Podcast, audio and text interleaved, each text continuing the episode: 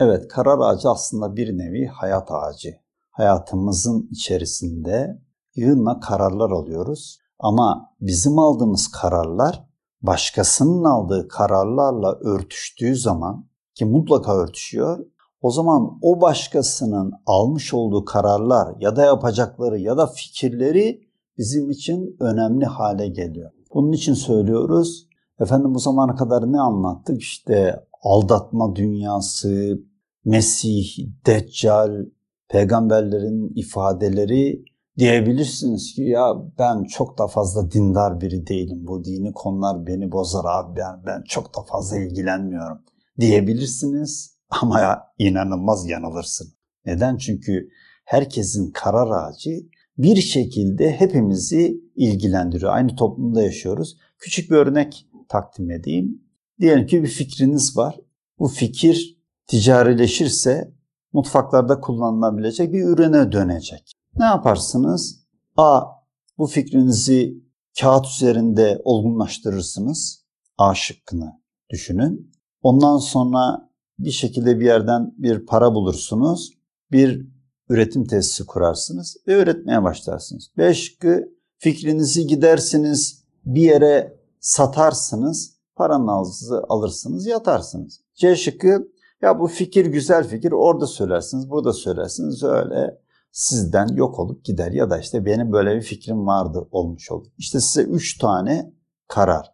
Bu üç karardan hangisiyle hareket edeceksiniz? Hangisiyle hareket edecekseniz başka kararları etkileyebilecek bir yapısı vardır bunun. Diyelim ki üretim tesisi kuracaksınız. Ne yapabilirsiniz? Ben üretim tesisi kurdunuz. Bunu satabilirsiniz toptan olarak, perakende olarak satabilirsiniz. Toptan olarak satarsanız fiyatı farklı olur. Perakende satarsanız fiyatı farklı olur.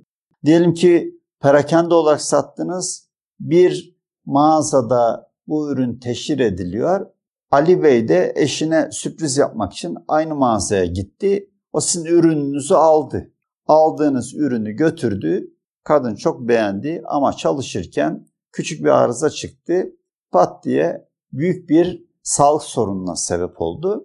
Hop o zincirleme o karar bakın Ali Bey'in vermiş olduğu bir karar sizin vermiş olduğunuz kararla ürünün satın alması noktasında kesişti ve onun vereceği bir başka bir karar ben bunu dava edeceğim kararı zincirleme olarak size kadar geldi. Dolayısıyla siz Ali Bey'i tanımazsınız. Hayatını bilmezsiniz. Eşiyle ilişkilerini bilmezsiniz. Evini bilmezsiniz. Ama aldığınız bu fikri ben ürüne çevireyim kararı hiç alakasız bir ailenin alacağı bir karar ile kesişir ve bu sizi direkt olarak etkiler.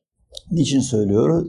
Efendim ben çok da dindar biri değilim. Ya nedir bu Allah aşkına? Deccaldir, peygamberdir, Allah'tır, kitaptır böyle bu işler falan. Bu dini bir konu. Bu mevzulara ben girmeyeyim derseniz bakın bu mevzular hala hazırda icra olunan mevzu. Siz bunları bilmezseniz burada alınan kararlar, gerçekleşen icraatlar sizin vereceğiniz kararları doğrudan etkiler. Dolayısıyla bu karar ağacını düşünerek benim aldığım bir karar belki de bir başkasının kararlarının dördüncü dereceden türevi ile doğrudan ilgilidir. Bir başkası dediğimiz birçok başkası. Aynı toplum içerisinde yaşıyoruz.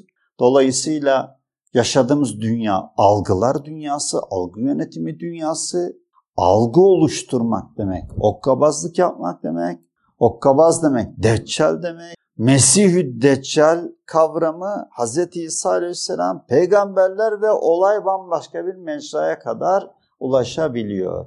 Dolayısıyla bu karar ağacından dolayı konuştuğumuz bu mevzu hepimizi doğrudan birebir ilgilendiren mevzudur.